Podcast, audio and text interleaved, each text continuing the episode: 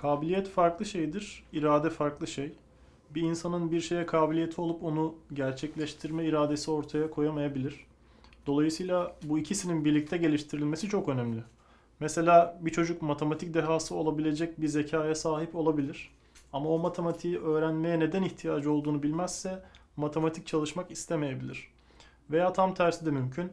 Matematik dehası olabilecek bir zekaya sahip olup matematikten hiç zevk almayabilir.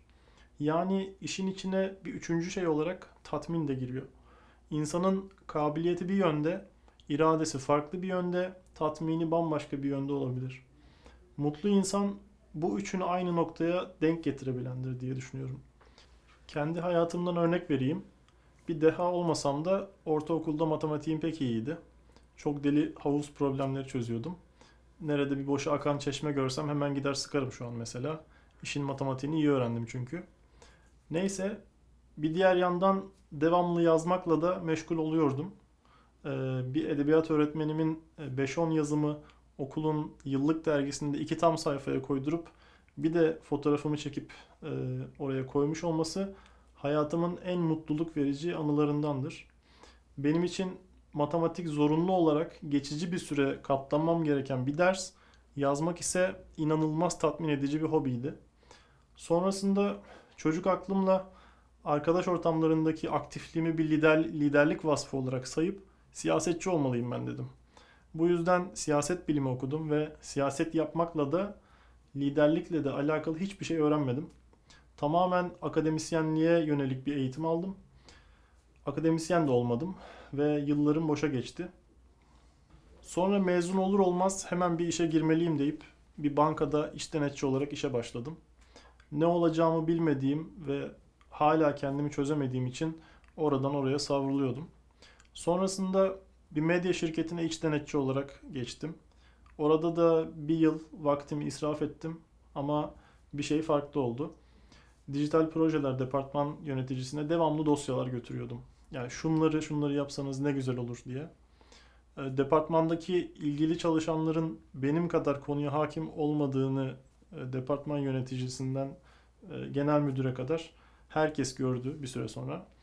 Sonunda genel müdür beni çağırıp sen bize dijital projelerde yardımcı ol deyip beni proje yöneticiliğine geçirdi. Artık zevk aldığım şey için ödeme almaya başlamıştım. Sonrasında dijital alanda kendi girişimime harcadığım zamanlar ve şu an Amerika'da dijital ajansımın olmasına uzanan bir yolculuk yaşadım. Maddi olarak çok kazanmıyorum ama tatmin olduğum ve kabiliyetimin de olduğu alanda çalışmaya irade gösterebildiğim için kendimi başarılı ve mutlu sayabilirim. Şu an işe güle oynaya gidiyorum. Daha çok çalışmak istesem de saatler yetmiyor, öyle diyeyim. Bu uzun ve ukalalık dolu hikayemden sonra dönelim konumuza. Ebeveynlerden hep duyarız. Bizim oğlan çok zeki ama çalışmıyor diye. Bu o çocukla ilgili farkında olunmayışla ilgili ilk hezeyandır. Çocuğunun neye kabiliyeti olduğunu bilmeyişin, neyden tatmin olduğunu aramayışın ilk belirtisidir. Maaşlı bir köle olması için yetiştirilen bir başka çocuğun hikayesinin başlangıcıdır aslında.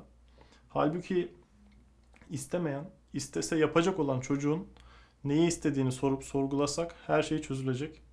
Küçükken en sevdiği ders resim olan çocuğu mühendis olma, olmaya zorlayan e, o zihniyeti acilen terk etmemiz gerekiyor. Okulda pozitif bilimleri öğrenen çocuğumuza eve geldiğinde de biz bir müfredat uygulamalıyız ve bu müfredat çocuğumuzun hem bir insan hem de bir birey olarak kendisini bulmasına yönelik olmalı diye düşünüyorum. Örneğin hayatı boyunca lazım olacak şu dersleri verebiliriz. Empati, sosyal sorumluluk, bilinçli tüketim, hayat yönetimi, insan hakları, doğa bilinci, internet kullanımı, kişisel bakım, sağlıklı yaşam, zaman yönetimi. Bunlar biz yetişkinlerin de çok ihtiyacı olan eğitimler aslında. Çocuklar üzerinden e, örnek vermeme bakmayın. Örneğin devamlı bir şeylere kızgın erkek kardeşinizin sizi anlamadığını düşünüyorsanız ona sizinle empati kurabileceği bir şeyler verip bir bakabilirsiniz neler değişiyor.